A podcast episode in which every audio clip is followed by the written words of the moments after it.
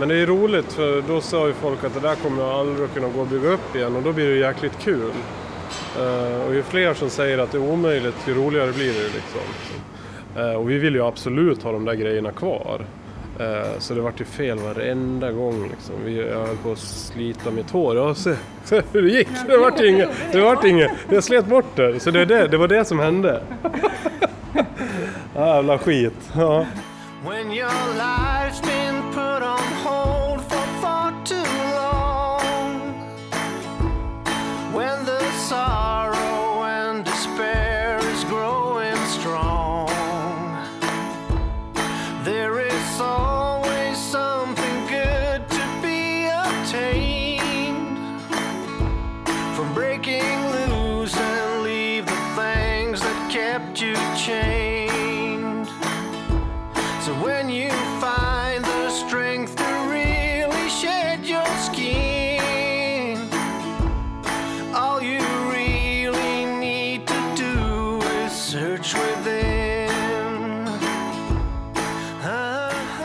Här sitter vi på ett vindskontor, inte på Stureplan, utan mitt ute i spenaten i södra Dalarna.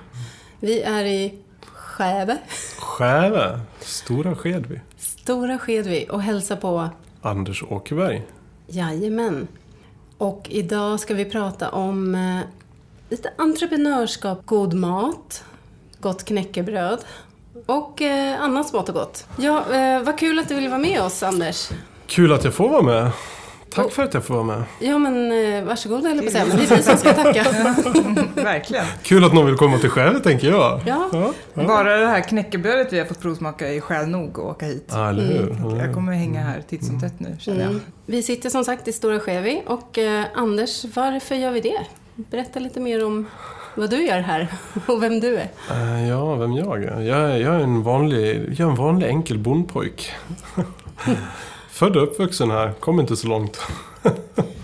ja, du har bott här hela, hela ditt liv eller har du varit iväg på Ja, jag, var iväg, jag, jag tänkte bli hockeyproffs när jag var ung.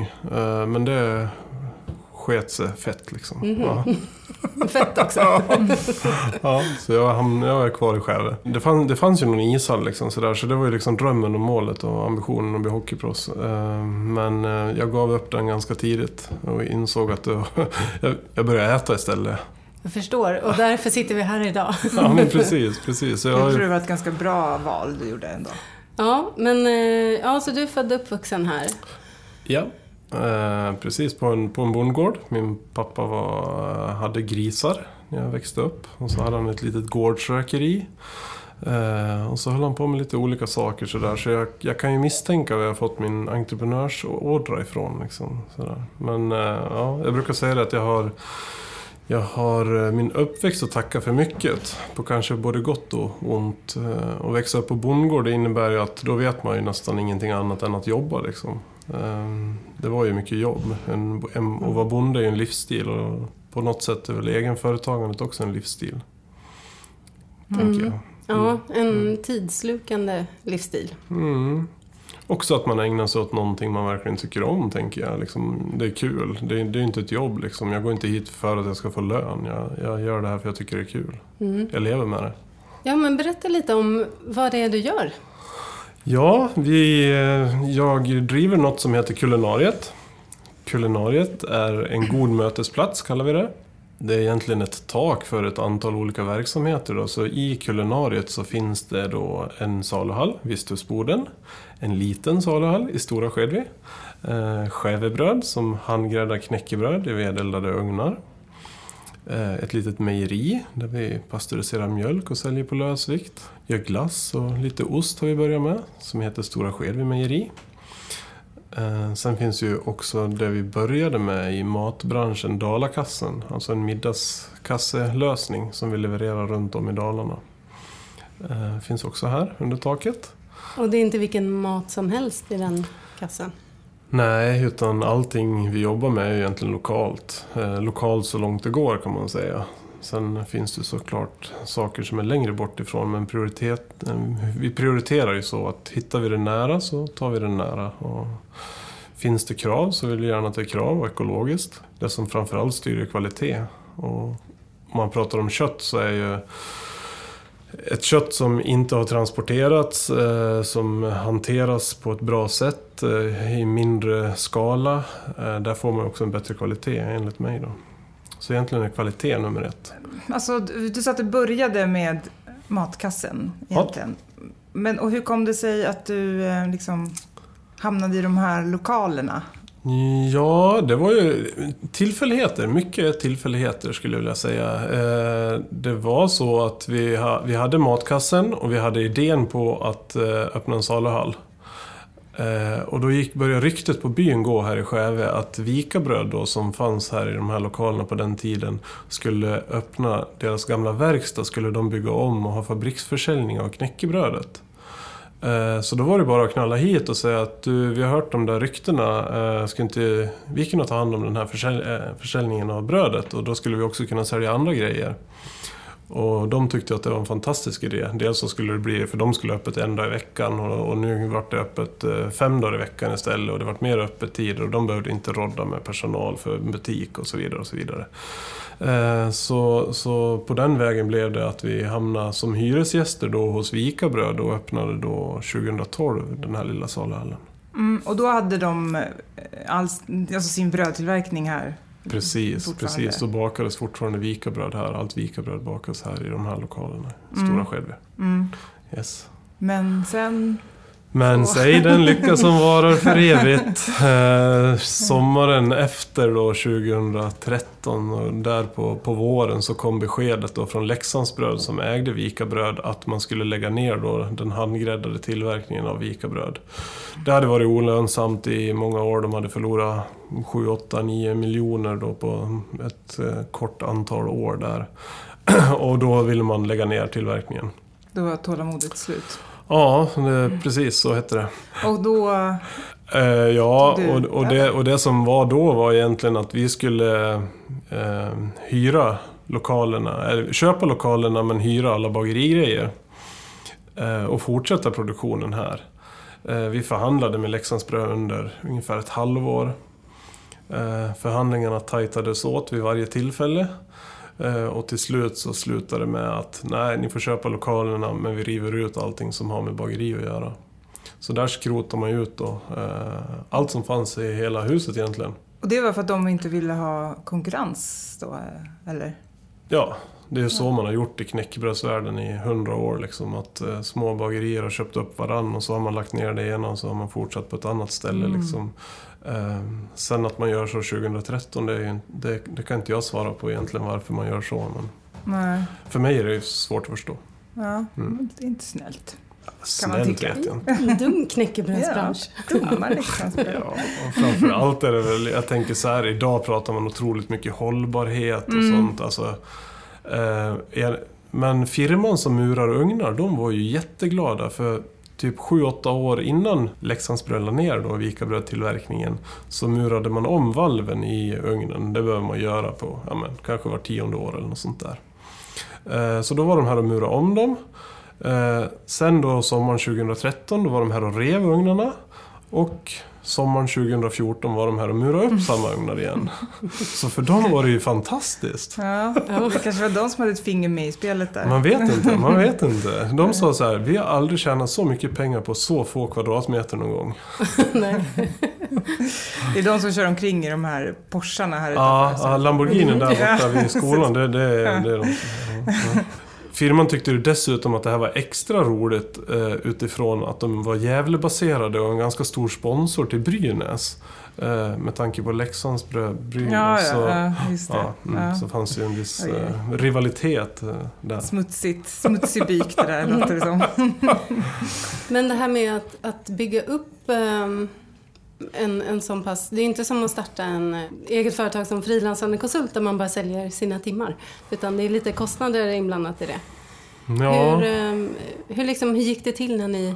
Började ni från noll? Och, Ja, och så får man tänka det här scenariot då att eh, Leksandsbröd talar då om att vi lägger ner den här tillverkningen. Vi har förlorat eh, ja, 7, 8, 9 miljoner under åtta år.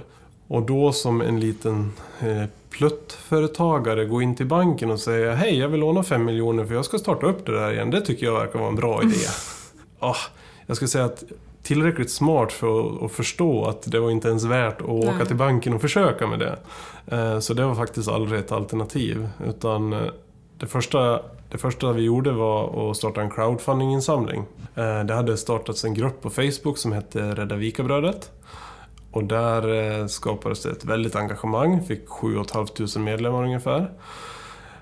Det är lätt att sitta vid, vid datorn och trycka på gilla-knappen på Facebook. Det gör alla på allt liksom. Så, eh, så det vet man ju inte, vad betyder det egentligen? Så på något sätt så blev crowdfundingen ett sätt att kolla, finns det ett större engagemang i, än så i det här? Liksom? Kan folk tänka sig att köpa brödet för ett betydligt dyrare pris än vad det har kostat? Så jag brukar alltid säga att eh, det vi gjorde var att gjorde en marknadsundersökning med en crowdfundinginsamling. Den där gick ju väldigt bra. Vi fick 733 personer som gav pengar på nivåer mellan 200 kronor upp till 50 000. Fick Oj, totalt ihop strax över 600 000 i den crowdfundingen. Men alltså, var det privatpersoner då som skänkte upp till 50 000? Ja, Eller? 50 000 det var hembygdsföreningen här i byn. Eh, okej. Men från 25 000 och neråt så var det ett gäng privatpersoner. Ja, Fantastiskt. Ja. ja det, var ju helt, det var ju helt galet. Då fick ni också se var era starka fästen fanns någonstans. Kanske. Ja, ja men, och, jo, men då, det speglar egentligen hur kunderna ser ut idag också. Vi säger, Mm. alltså det är mellan Stockholm och upp till Dalarna. Stockholm, Uppsala, Dalarna. Liksom. Där har vi ju absolut mest kunder, så är det. Mm. Mm.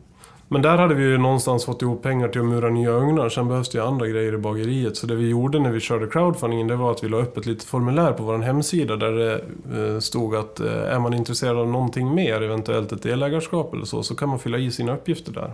För vår plan var hela tiden eh, crowdfundingen som ju var en reward-based. Det finns ju olika varianter av crowdfunding. Så de som var med och crowdfundade fick ju inte, de har ju inget ägande eller så, utan de fick ju komma på invigningen och fick ett paket bröd om man hade varit på en viss nivå. De här som crowdfundade 50 000 de fick ju komma hit en kväll och käka mat och baka sitt eget knäckebröd och så. Så planen var hela tiden att göra en nyemission där vi även då sålde 30% av Skävebrödbolaget. Och där fick vi ett helt gäng också som fyllde i sina uppgifter då. Så när crowdfundingen var i hamn så började vi ta itu med det. Eh, och där, vi bilade till Frankrike våren 2014 och ringde igenom den här listan med människor som hade anmält sitt intresse. Och eh, jag sa till Malin, som var min partner i den tiden, att eh, ja, ah, fan, det där var någon Benny Andersson. eh, men det var dålig mottagning, han var på landet så vi skulle höras om några dagar. Och sa Malin, ah, var det ABBA-Benny eller? Jag bara, ah, fan det var det ju, jag kände igen rösten tyckte jag. Nej, Så det var ju rätt schysst liksom att... eh, han hade ju råd att pytsa in några tusen lappar. Ja, alltså han hade ju varit in på vår hemsida. Han hade, han hade hört talas om att vi höll på med återuppbyggnaden av det här. Han hade varit in på vår hemsida och fyllt i sitt namn och sitt mobilnummer och e-postadress. Ja, alla uppgifter han skulle Mm, fylla i. fint. Ja, ja, det var ju helt... eh, Och Benny var ju en av de här människorna som hade ätit vikabröd i hela sitt liv och förstod inte vad som ska hända med livet när det inte fanns kvar. Eh, Det fanns ju ett helt gäng med sådana människor som vi då mötte när vi hade vår butik där inför, när man la ner vikabröd. Vilka ambassadörer ändå. Ja, ja, men helt fantastiskt. Eh, Så idag ägs eh, Skävebröd av 17, eh, 17 olika delägare. Jag har en del, eh, fyra av bagarna, de fyra första anställda har varsin del. Och sen är det 12 externa, varav 11 av de här 12 var sådana som kontaktade oss. Eh, Är en Benny som- Andersson en av dem eller? Ja, ja. Han är det? Ja, Ah. ja, ja, han hade ju fyllt i det där formuläret på hemsidan där. ja.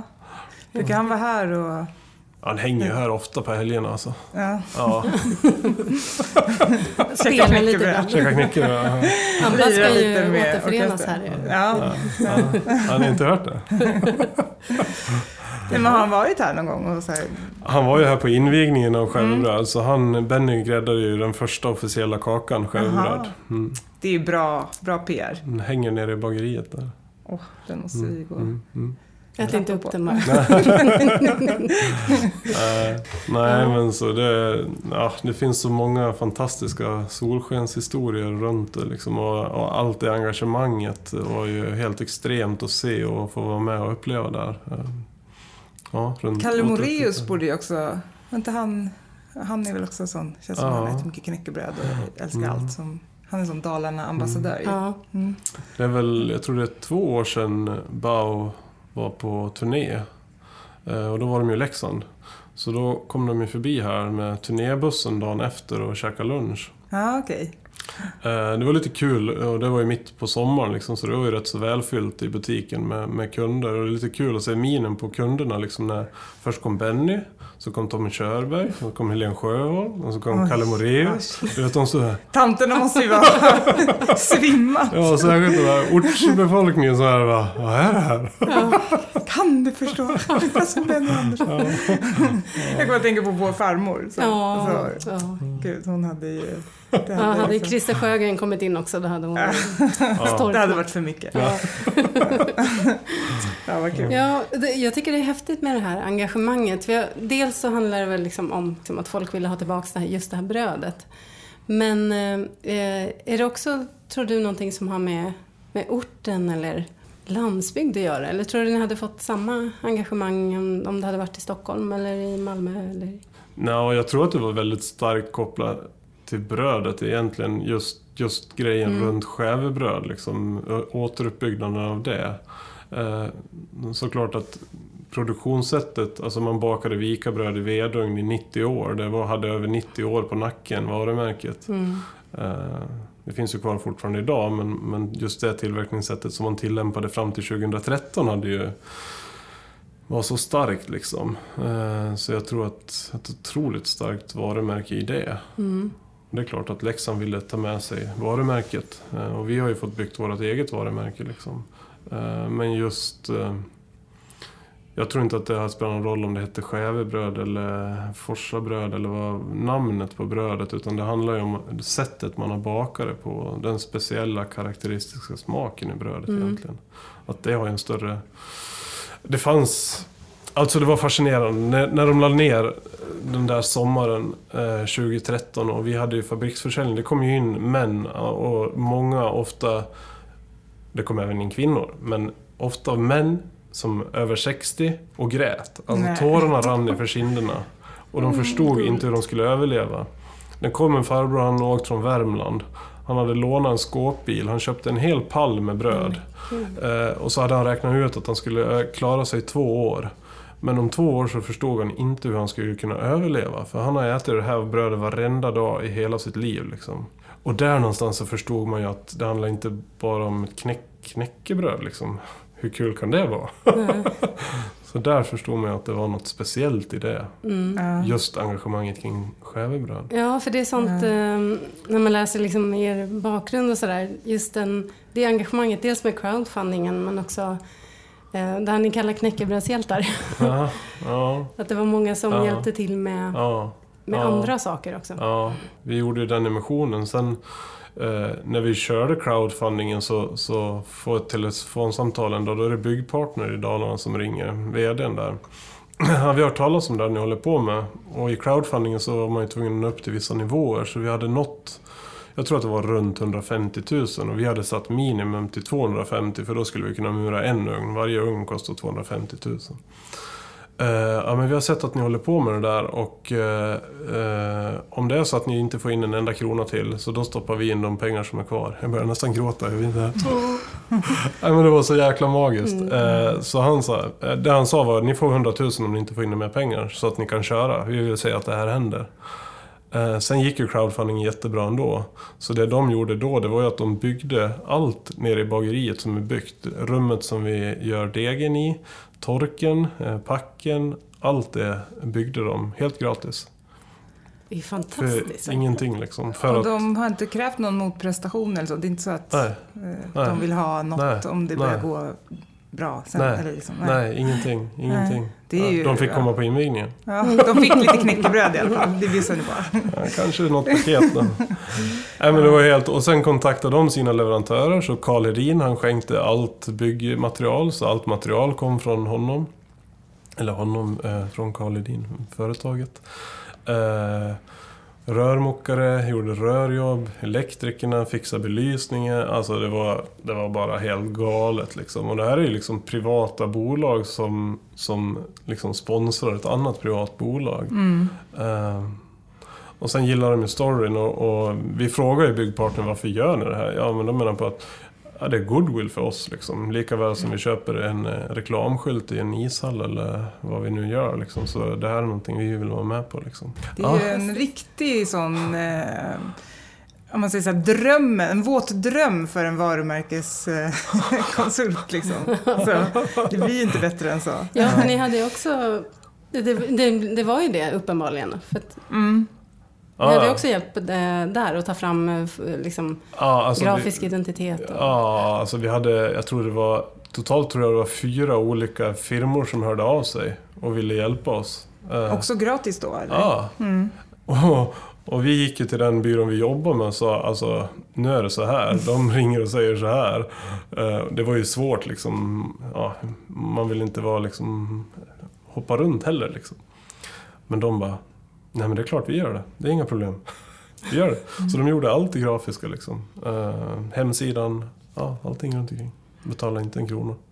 och det är ruskigt bra. Måste, eh, Ja, verkligen. Vi satt och pratade om det på vägen hit. Ja.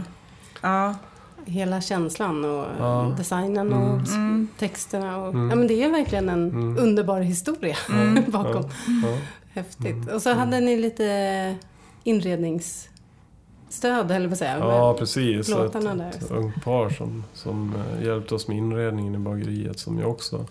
Allting är byggt för att vi ska besöka det här. Och Mm. Att det ska komma hit folk och se och, och tycka att det är nice att besöka. Det är, mitt, det är min eh, mission liksom. Att Mm. locka folk till Skäve. Mm. Och hur går det då? Ja, men jag tycker det går hyfsat. Mm. Eh, målet är 200 000 besökare på årsbasis. Eh, och så ska kulinariet vara ett erkänt, internationellt erkänt besöksmål. Inte svårare än så liksom. Är tydligt. Vad innebär det? Att det inte, alltså, du menar att det ska hamna i någon eh, sån här Ja, rekommendations... De 200 000 är tydliga. Det här internationellt vet jag inte. Det är kanske lite otydligare. Nej, det, är inget, det är inte så att du har satt ett mål att det ska hamna i vad det nu heter. Jag tänker att det skrivs om det och White framförallt att vi har en ganska stor andel utländska besökare. Ja. Mm. Tänk om att man ska ha typ 20% av de där eh, 200 000 ska vara utländska. Mm. Ungefär så. Och sen att det omtalas i medier ute i världen. Typ. Ja, nu är ni en bra början här med Mm. podden. Precis. Vi har ju faktiskt Strålande. lyssnare i ganska många länder. Ja, Ja, det ja, har vi. Även om de då lyssnar på svenska. Eh, Ja, precis. Men, de kanske men det här översätts inte. ja, Jo, ja, precis. Jo, det, vi har ju simultantolk, så att det är bara att du hör inte det. Nej, för det, jag var här i somras eh, första gången och då var det ju faktiskt svårt att hitta parkering. Mm. Det var Mm. väldigt fullt här. Mm. Vad kul att Mm. se. Mm. Och då tänkte jag så här, vad är det som drar folk? Liksom mitt ute på landet, en bit utanför Falun och så kom jag in och så fattade jag direkt. det är det här som drar. Ja. Eh, och jag har ju stannat till, jag brukar försöka få till ett besök här när jag åker eh, ner eller upp till Stockholm. Jag kan säga det är värt en omväg. Här kan man ladda på massa godsaker. Och om man inte vill käka den gamla vanliga eh, sån här bilfamiljelunchen på McDonalds, så om man har lite mer tid, så kan man ju absolut svänga in här istället. Absolut. Göra det som ett litet, en liten happening liksom. Ja. Mm. Det måste ju också vara, Mm. för det ligger ju ändå hyfsat bra till för det. Eller hur? Det är inte jättelångt från... Nej, Men du, nej, men det är nära av liksom från Ja. 69 Ja, eller från precis. eh, riksväg 70 så har man ju, ja men från 69 är det bara någon minut och från 70 så har man en kvart typ så. Det ska Så- jag börja sälja in i min familj. Jag är Ja. så jäkla trött på de där vägkrogs... Vägmaten. Ja, precis. Mm. Nej, och vi har ju, idag har vi 75 000 besökare under 2018 så en bit på väg i alla fall. Mm. Det är ruskigt bra siffror. Men vad har. Alltså för nu har du ju berättat om en massa liksom, vad ska man säga, lyckade faktorer och att det låter lite som att allting har gått på räls. Men har det varit några... Har du stött på några motgångar under den här resan? Utmaningar menar du? Ja, utmaningar, precis. Har glaset varit halv, halvtomt någon gång? Jag, jag gillar inte eh, folk pratar om problem, de har problem. Men jag gillar inte problem, jag gillar inte ordet. Eh, Jag, jag, jag tycker utmaningar är ett bättre ord. Liksom. Mm. Och, det ställs man ju inför varje dag kanske. Mer eller mindre. Eh, men det gäller ju bara att hantera dem. Mm. Mm, och ta sig an dem. Men det har inte varit några stora bakslag eller liksom att du har funderat på så här, oh, gud, varför var jag med in i det Ja, här? alltså vi hade ju en brand här 2016, september. eh, Då det, eh, ja, vårt lager här ute brann.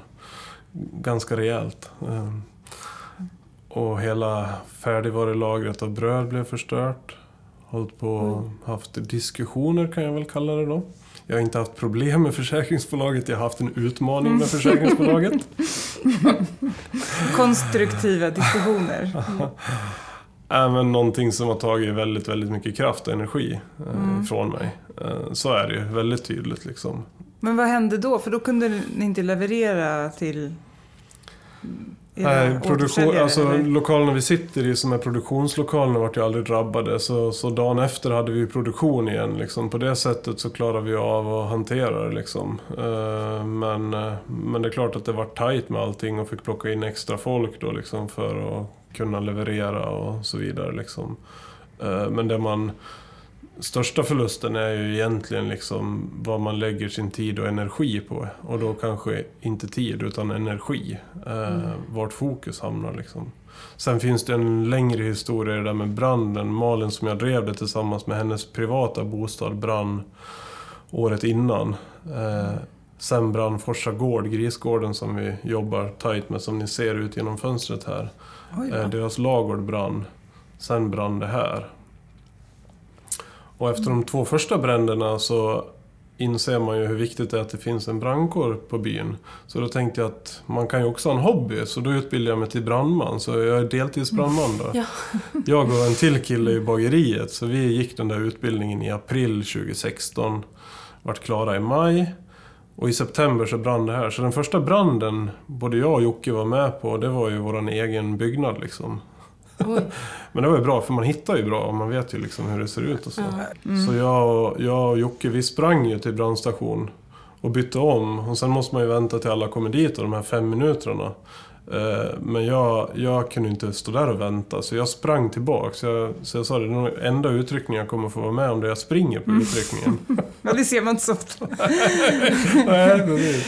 Så jag sprang tillbaks och så genom huset bara för att kolla att allt folk var ute. Ja, men du vet. Ja. Men alltså det där låter ju lite så här eh, som det här, alla de här Nu vaknar brottsutredaren här. Ja, verkligen. Jag tror jag ska ta mig en titt på det. Nej men vadå, alltså, det låter ju jättekonspiratoriskt. Ja. Det här var dagtid och hos Malin var det också dagtid. Eh, Forsa var ju natt. Men eh, Men eh, vad har Man- de utrett? Alltså, man, var det man tror ju el liksom. Men inte det något är väldigt stora... konstigt sammanträffande ändå? Ja, och sen brann det ett, en liten stund senare. Så inom ramen av, eller inom perioden av ett och ett halvt år så Sen brann det till ett boningshus i Arkyttan här borta. Ja. Men, men där omkom det en person så där gjorde man ju riktiga utredningar och hitta orsaken liksom. Så det var inte något anlagt. Nej men det var tufft. Ja det har varit tufft. Ja. Mm.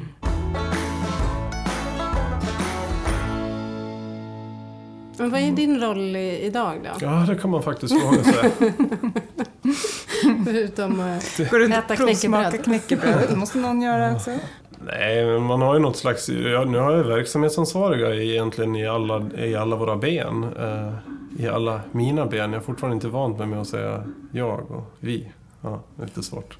Um, så nu har jag verksamhetsansvariga egentligen i alla delar. Alltså nu fokuserar du på liksom, marknadsföring och sälj och... Ja, egentligen. Jag verksamhetsutveckling. borde väl lägga mer tid på sälj och sen framför allt verksamhetsutveckling. Eh, och det är, ju, det är ju det som är roligt. Det är ju Mm. det jag tycker är kul. Ja, du Eh, verkar ha mycket idéer. Ja, Alltså. det är, ju, det är ju det som... Och när man får leva ut dem och så säger någon att ja, men, du kan ju inte, ett, du kan inte bygga ett hotell i Skövde, det fattar du väl? Så då är det klart, Watch att, då är, då är det klart att jag ska ha ett hotell i Skövde. Mm. Ja, det kan ja. du ge det. Vi har förstått att det funkar så. Eh, Du så- kan ju inte ha ett sån här i Särna. Nej, det skulle ju aldrig gå. Du skulle aldrig kunna starta upp något sånt här där uppe. Det går. Nej, det, det tror nog faktiskt inte jag heller. Eh, vad, vad tror, för du, var ju, du pratade ju lite om att du eh, är en bondson och att du trodde att du hade liksom entreprenörsblodet med dig eh, från din pappa och så. Ehm, är det, har du alltid varit... Har du alltid känt ja, men så här, att du... bara drar igång grejer och liksom för det där är ju ett ganska, alltså för vissa är det ett jättestort steg att förverkliga saker. Mm. Ja, så är det ju. Eh, man, jag, ser nog inte riktigt på mig själv på det sättet. Fast om jag reflekterar över hur, hur det har varit så är det ju så såklart. På gymnasiet då hade jag eh, kalkonuppfödning.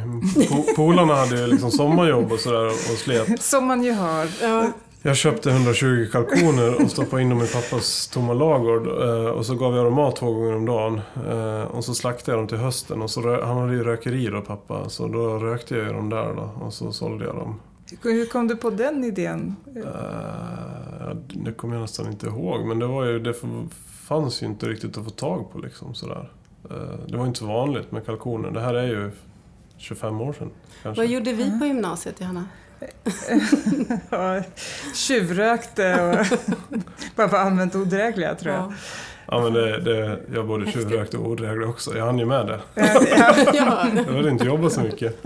Ja men då, det låter ju som att du onekligen har haft en ganska stark sån, eh, alltså att du har varit väldigt driftig jämfört med kanske normal ungdomen i liksom ja. 16-årsåldern. Jag var, jag var i Kanada och spelade juniorhockey och så i, i något år där. Och, och så när jag kom hem sen så började jag jobba på PVC. Jag hade, jag hade ett riktigt jobb liksom. Eh, men då drog jag och syrran igång ett litet projekt. Vi hade, pappa hade en jätte, jättestor lada. Alltså en gigantisk lada som stod och höll på att förfalla. Eh, och, och här har man logdanser. Har man det i Särna? Åker man på logdans? Nej, det är ju en folkpark ja, mer. Mm. Ja, men det fanns ju också. Men logdans var ju mm. liksom, det gjorde man ju på landet. Det har nog funnits garanterat tror jag. Ja. Eh, så här var det ett ställe där alla åkte på midsommar, Molins. Eh, men av olika anledningar så hade Molins inte längre någon logdanser och vi ville ju åka på logdans. Eh, och så är det nog ganska mycket att det man vill göra och det man vill ha finns det inte, då får man se till att skaffa det. Så vi lyckades väl övertala pappa att investera en halv miljon och renovera den här ladan. Och så la vi ett år liksom. Varje dag var jag där eh, efter jobbet då. Eh, varje helg.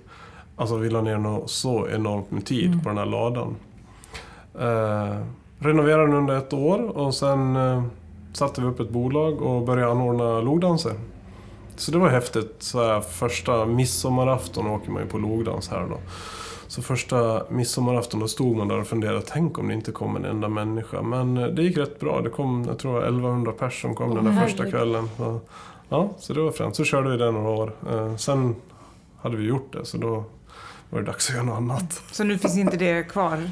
Eller är det någon annan som driver? Eh, mina föräldrar sålde gården här för ett par, tre år sedan och de som köper gården, där ingick ju ladan då. Så den ladan finns ju absolut kvar och används till bröllop än idag liksom. Och de, man kan hyra den. Och... Själv hade jag 40-årsfest där med två polare för ett par år sedan då. Mm. Vi hade 120-årsfest där. Så, nej men den finns kvar och, och tack vare det jobbet vi gjorde då kommer den ju att stå där nu i hundra år till. Liksom. Det är en timmerdal liksom. det fanns ju inget tak då. Det växte tak in genom huset och så. Men... Så det känns också sådär kul. Men när man reflekterar över det där så förstår man ju att Ah, helt normal är man ju inte. Nej, alla hade inte gjort det. nej, nej, nej, det var ju fler än jag och syrran som ville åka på logdans men det var ju ingen annan som såg till att nej, man fick uppenbarligen, det. precis. Mm.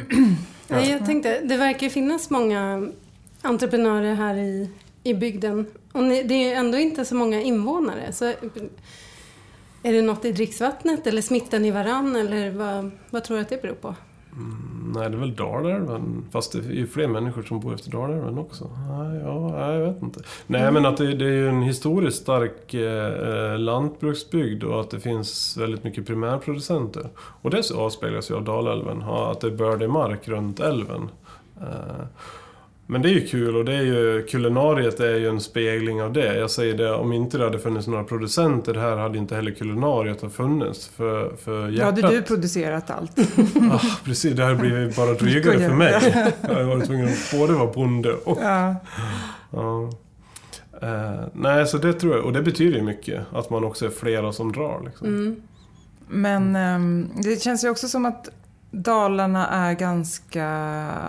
Um, alltså det finns rätt mycket så här, lokalpatriotism att man är väldigt liksom stolt och värnar om hembygden och så. Så det kanske också är en sån faktor som spelar in. Just det här med crowdfundingen och att ni fick sånt liksom starkt gensvar. Att man värnar liksom om sina gamla kulturarv och traditioner och sådär. Det är väl så på flera håll, men jag tror att Dalarna är kanske lite mer så än Absolut, ställen. absolut. Jag håller helt med. Och, och där blev det ju väldigt starkt just det. Liksom. Och det, ja, Mm. att man, det här skulle vi minsann se till att bevara. Liksom. Och är det någon som vill ta tag i det så klart vi står bakom liksom. Mm. den känslan. Ja, det tror jag absolut.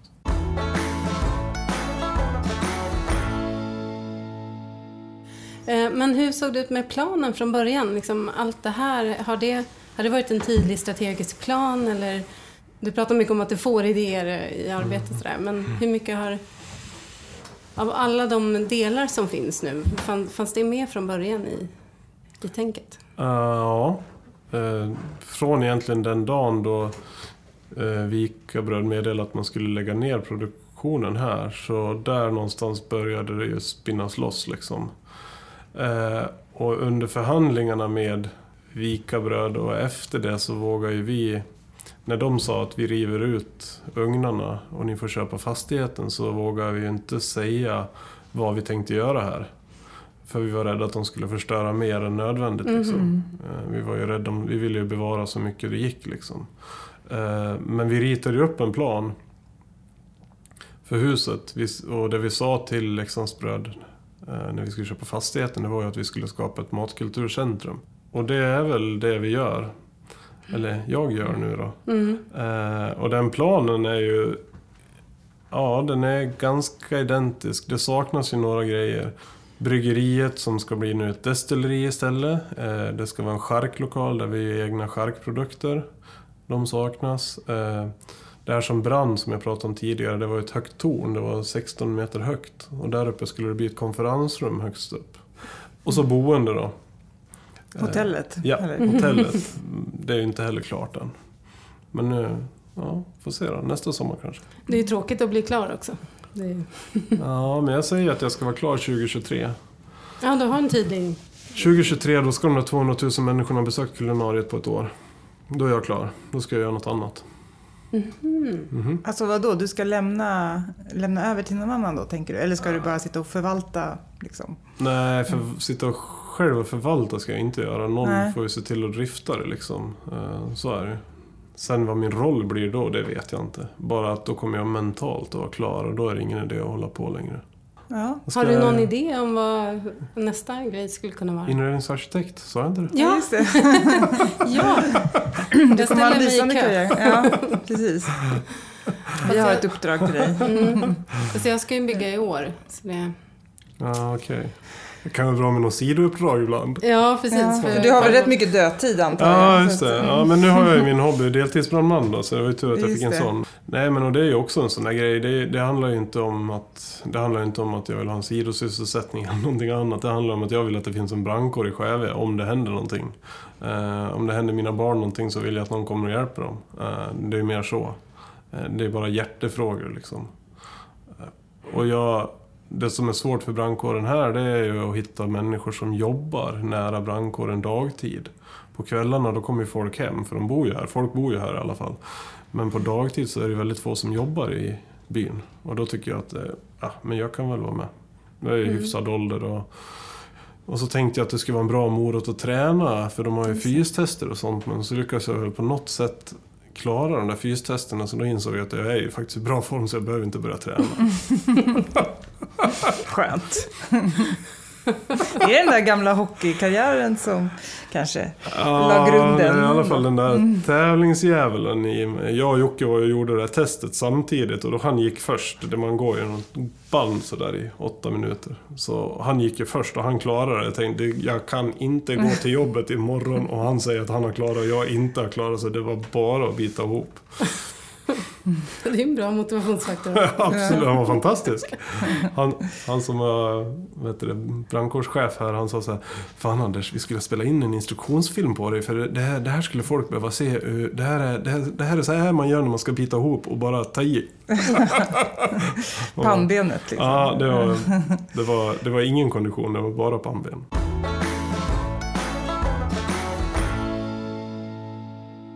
Nej, men att det finns problem att bemanna och, och ha full service på landsbygden. Sådär. Hur, um, Det, det pratas ju mycket nu om att Sverige ska ha, hela Sverige ska leva, det ska vara en levande landsbygd och sådär. Men vad, vad tror du krävs liksom för att det ska bli verklighet? Och hur, hur ser du på framtiden för landsbygden?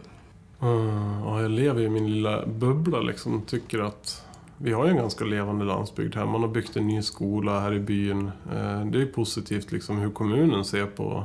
Men Säters kommun är ju landsbygd, hela kommunen. Liksom. Så, så det är bra. Det handlar ju om att folk engagerar sig. Jag tycker att jag är... Jag ska vara lycklig som bor i Skäve, för här finns det mycket engagerade människor. Så känner jag nog. Eh, sen har jag svårt att uttala mig om hur det ser ut på andra ställen. Mm. Sådär. Mm, men du upplever inte att du lever i någon slags utdöende avfolkningsbygd? Nej, här är det ju, det är ju en, det är en väldig bostadsbrist liksom. Eh, och alla hus eh, blir ju köpta och det är liksom budgivning på dem. Men jag tror också att eh, det har skapats någonting attraktivt med Stora Skedvi liksom.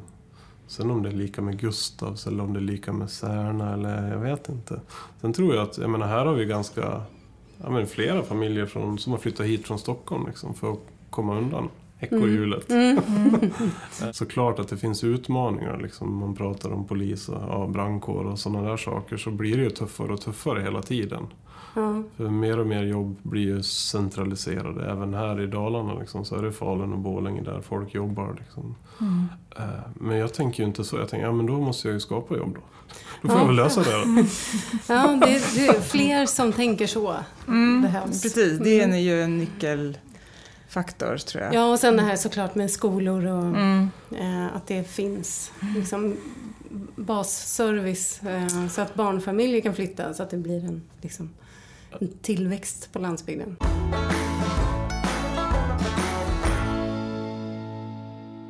Yes. Det här är kulinariet som vi är inne i nu. Alltså. Men, kulinariet. Allt är kulinariet liksom. Men det vi står i nu är ju Visthusboden som då är en del av kulinariet. Visthusboden är ju saluhallsdelen då. Visthusboden är en liten saluhall i Stora Skedvi. Ja, vi, vi ska ta en liten rundvandring här med Anders som ska få visa oss runt eh, och så får vi se om jag fastnar vid ostdisken eller om ni får med mig hela vägen. Vi tar en lång omväg runt. Var är vi Yes. på väg nu då? Nu kommer vi ner i bageriet. Så nu kommer vi alltså ner till Skävebröd. Skävebröd. Skävebröd. Och det är, här, eh, det är här magin skapas. Precis, här handgräddar vi knäckebröd i vedugnarna där borta då. Här brinner det i bakugnarna. Och eh, här står, ja titta där ligger eh, det ogräddade brödet. Vad är det vi ser här? Här ser vi Inge och Karina som står vid den så kallade uppslagsmaskinen. Eh, alltså den maskinen som kavlar ut degen och sen som stansar och naggar kakorna. Naggar är alltså, man gör prickarna i knäckebrödet. Och sen står Karina då och lyfter av dem och lägger kakorna på plank. Och Inge lägger ett papper och sen lägger Karina en till kaka uppe på. Så det ska alltid vara dubbla när man sen då jäser det sätter man in den plankan i jässkåpet som är det här skåpet som står mot ugnarna här. det kommer ju som kakor här nu, knäckebrödskakor. Och så är det en dam som liksom lägger upp dem. Men vissa åker liksom ner igen och blir eh, deg. Är de ratade? Är de... Ja, det kan vara att de blir Ja, det är- ratade. Det ja. kanske är för mycket mjöl eller någonting. Kommer ett frö i valsverket som valsar ut degen, då blir det en skåra i kakan och då låter man den gå tillbaks. Men det blir ju inte ratad. Det som händer är att den går tillbaks längst bak eh, och blandas med färsk deg. ja. Så alltid när man bakar så bakar man alltid på en blandning av färsk och returdeg. På morgonen då låter man degen gå runt några varv för att få rätt konsistens på degen. Då. Inget svinn. Nej. Inget svinn. Jag såg till och med att ni på ert Instagram hade efterfrågat tips på hur man kan använda liksom alla så här Ja. små, små smulor och sånt. Så, ja, det är superbra. Ja, ja. Ja, och eh, de här bladen sen då, de friteras och blir... Sen eh, här jäser Ja. de. Sen jäser de i skåpet här, en halvtimme ungefär. Sen plockar vi ut dem på andra sidan då. Nu har vi Mats och Joel vid ugnarna. En lång och en kort. En han ser ingenting in i ugnarna och den andra han ser bara uppåt i ugnarna. Det är svårt att anpassa höjderna liksom så eh, arbetsbelastning. Och där ligger veden också. Ja precis, så där eldar man med gran och tall. Barken ska vara kvar på veden för att ge rök i ugnen som ger smak till brödet. Så, och för att få tag på, det här är ju bakar som vi använder när vi bakar såklart. Alltså från små sågverk där man har sågat bort ytterhöljet på trädstammen. Så det här är från små bondsågar runt omkring i byarna liksom som vi köper veden då. Jätte, jättegott. Gud vad gott. Där var det mörkgneggade, vad heter det, extra gräddade. Jätte, jättegott. När de gräddar dem nu så är de inne i ungefär två minuter en kaka. Och så har de ju 15 kakor inne i ugnen samtidigt. Lägger in, sig, Joel lägger in på höger sida. Sen flyttar man dem från höger till vänster. Och från vänster till mitten och från mitten ut då. Och sen ändrar man också djupled på kakan. Och allt det här är ju för att eh, man ska få så jämn gräddning som möjligt. Då. Det är olika temperaturer i ugnen. Och så eldar man på bägge sidorna samtidigt. Då. Så det, det, ser väldigt, det ser väldigt lugnt och harmoniskt ut när man står och tittar så här, när de står och gör det här. Men eh, jag kan lova att om vi, om vi går dit så det blir ju lite annorlunda. Lite panik. Det blir mest sot kvar. Har du testat? Ja, absolut. Vi kör ju grupper på det här på kvällarna. Eh, Så klockan sex då stänger bageriet och då blir det upplevelselokaler här. Det är ett ganska svettigt jobb det här va? Ja, som sagt det är 400 grader inne där så det blir otroligt varmt. Sen nu roterar de, nu kom Jocke in och böt av det. Bara för att man ska få gå undan från värmen liksom. Hur länge står de i ett, ett pass? Dels så delar de dagen, så halva dagen är man på ugnen och halva dagen är man på maskinen. Eh, och sen roterar de, nu byts de av med trågaren, han som gör deg är den som byter av liksom. Har du mjukbullar då Mats? Här kommer det en mjuk. Så storyn var så här, eh, när vi öppnade bageriet och gjorde det publikt liksom så här så kom äldre generationen in och frågade om de inte kunde få en mjukbulla och vi hade ju ingen aning om vad de pratade om. Men då var det så här att när de var små var barn och gick hem från skolan här borta då gick man alltid in bakvägen i bageriet och så fick de en sån där i handen och så gick de och åt den där på vägen hem från skolan. Därifrån mjukbullar. Ja. Mjukt knäckebröd. Väldigt gott. Sen lägger de brödet på spetten då och så in i torken. Så det är torkrum bakom glasrutorna. Så där torkar man knäckebrödet i två dygn ungefär. Torkar vi det. Sen tar vi in det i packen och där går man igenom varje kaka och kontrollerar den. Extra gräddat eller normalgräddat. Så det funkar alltså så att de bara gräddar. Eh, och sen där inne bestäms det vad, vad var det de gjorde. ja, och sen packas det för hand då. Varje paket.